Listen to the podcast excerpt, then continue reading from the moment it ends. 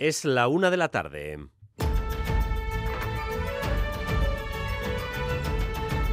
Crónica de Euskadi con Dani Álvarez. A Rachaldeón, el gobierno vasco pretende dar un nuevo impulso al uso del euskera en el sector público. Para ello aprobará de forma inminente el nuevo decreto de normalización del euskera. Ese decreto plantea novedades relevantes que adecuan los requisitos de conocimiento del euskera a otros que se emplean desde hace años en Galicia o en Cataluña. Por ejemplo, ahora para que conste el conocimiento del euskera, los títulos dejarán de ser el único requisito. Y Manuel Manterola. Se amplían las posibilidades. Realizar y superar la prueba u oposición correspondiente en euskera servirá para acreditar el nivel exigido sin pruebas adicionales, nivel que quedará además registrado para futuras pruebas. Es uno de los mecanismos que prevé el nuevo decreto para flexibilizar la acreditación de los perfiles y dar ese impulso al euskera en el sector público vasco. Se han diseñado además nuevos perfiles lingüísticos asimétricos en los que se podrá exigir distinto nivel en el oral y en el escrito para puestos, por ejemplo, en los que la comunicación sea sobre todo verbal. Además, hoy la Diputación de Vizcaya está explicando a la ciudadanía en qué punto se encuentra el embrión del Guggenheim de Urdaibai, una ampliación del proyecto Guggenheim que de momento está en un impasse de aproximadamente dos años. La diputada general Elizabeth Echanove anuncia que comienza de forma inminente el proceso para descontaminar los suelos y también un debate de participación ciudadana en la comarca Irache Ruiz. Sí, Echanove adelanta que en tres meses comenzará el proceso de participación ciudadana. En breve se iniciará también la descontaminación de los suelos industriales. Aún así, reconoce la diputada general que hará falta un duro trabajo para garantizar la viabilidad del futuro museo. En los próximos dos años, la Diputación Foral de Vizcaya no va a estar quieta. Va a seguir trabajando para hacer viable este y otros proyectos que desde luego garanticen el futuro de Busturialdea, de Urdaibai y de Vizcaya.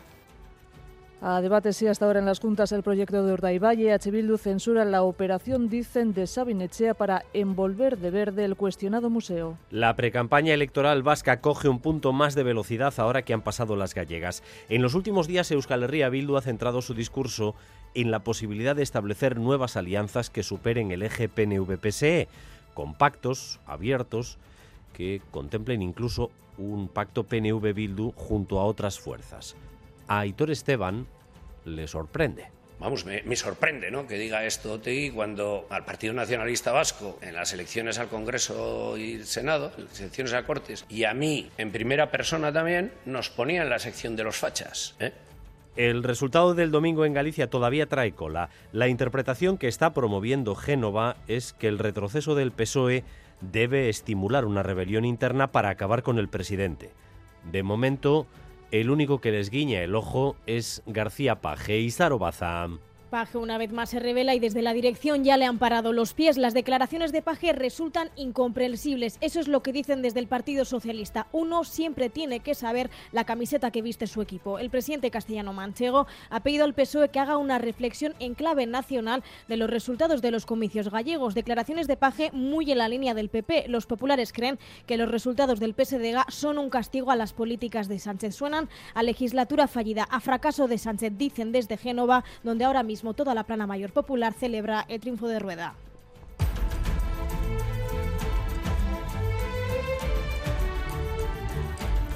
La importancia de leer y comprender lo que se lee. Las redes sociales y el abuso de los contenidos de corta duración están transformando las formas de aprendizaje de los jóvenes de hoy. Una de las consecuencias es que leen menos y prestan menos atención de forma continuada. Más de 1.500 universidades y docentes suscriben un manifiesto por la comprensión lectora, entre ellos siete ministros europeos.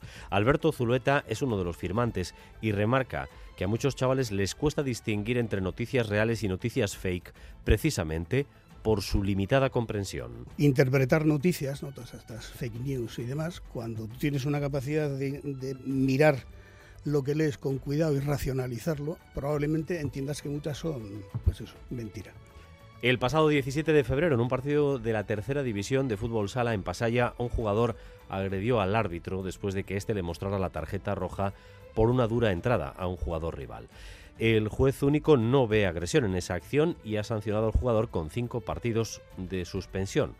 Tanto el propio árbitro agredido como sus compañeros han acogido con estupor esta sanción. Se sienten desprotegidos nos sentimos muy desprotegidos y para nosotros es un precedente muy grave. Hoy en día ahora mismo sale muy barato agredir a una persona. Es más, más que otra cosa un árbitro.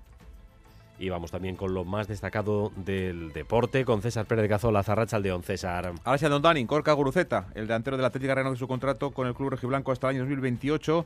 El Donostierra es uno de los fijos de las alineaciones de Chingur y Valverde y seguirá así defendiendo la camiseta del Atlético durante cuatro temporadas más. La firma del acuerdo se ha llevado a cabo esta mañana en Samamés. Guruceta es el máximo goleador del equipo junto a Iñaki Williams en lo que va de temporada con 10 goles eh, cada uno, nueve de ellos en, Liga. Y este martes eh, tenemos dos partidos más de Champions de la ronda octavos de final. Encuentros de ida, Inter de Milán, Atlético en San Siro y Peso Eindhoven, Borussia de Dortmund. Y en cuanto al tiempo, sol y tiempo primaveral, un día más con ligera subida de las temperaturas máximas. 15 grados ahora mismo en Donostia, 14 Bilbao y Bayona, 13 en Iruña, 8 grados de temperatura en Gasteiz. Por la tarde aumentarán las nubes altas y regresará el frío por la noche. Gracias un día más por elegir Radio Euskadi y Radio Vitoria para informarse. Raúl González y Maitán Bujedo se encargan de la dirección técnica, María Cereceda de la coordinación. Crónica de Euskadi con Dani Álvarez.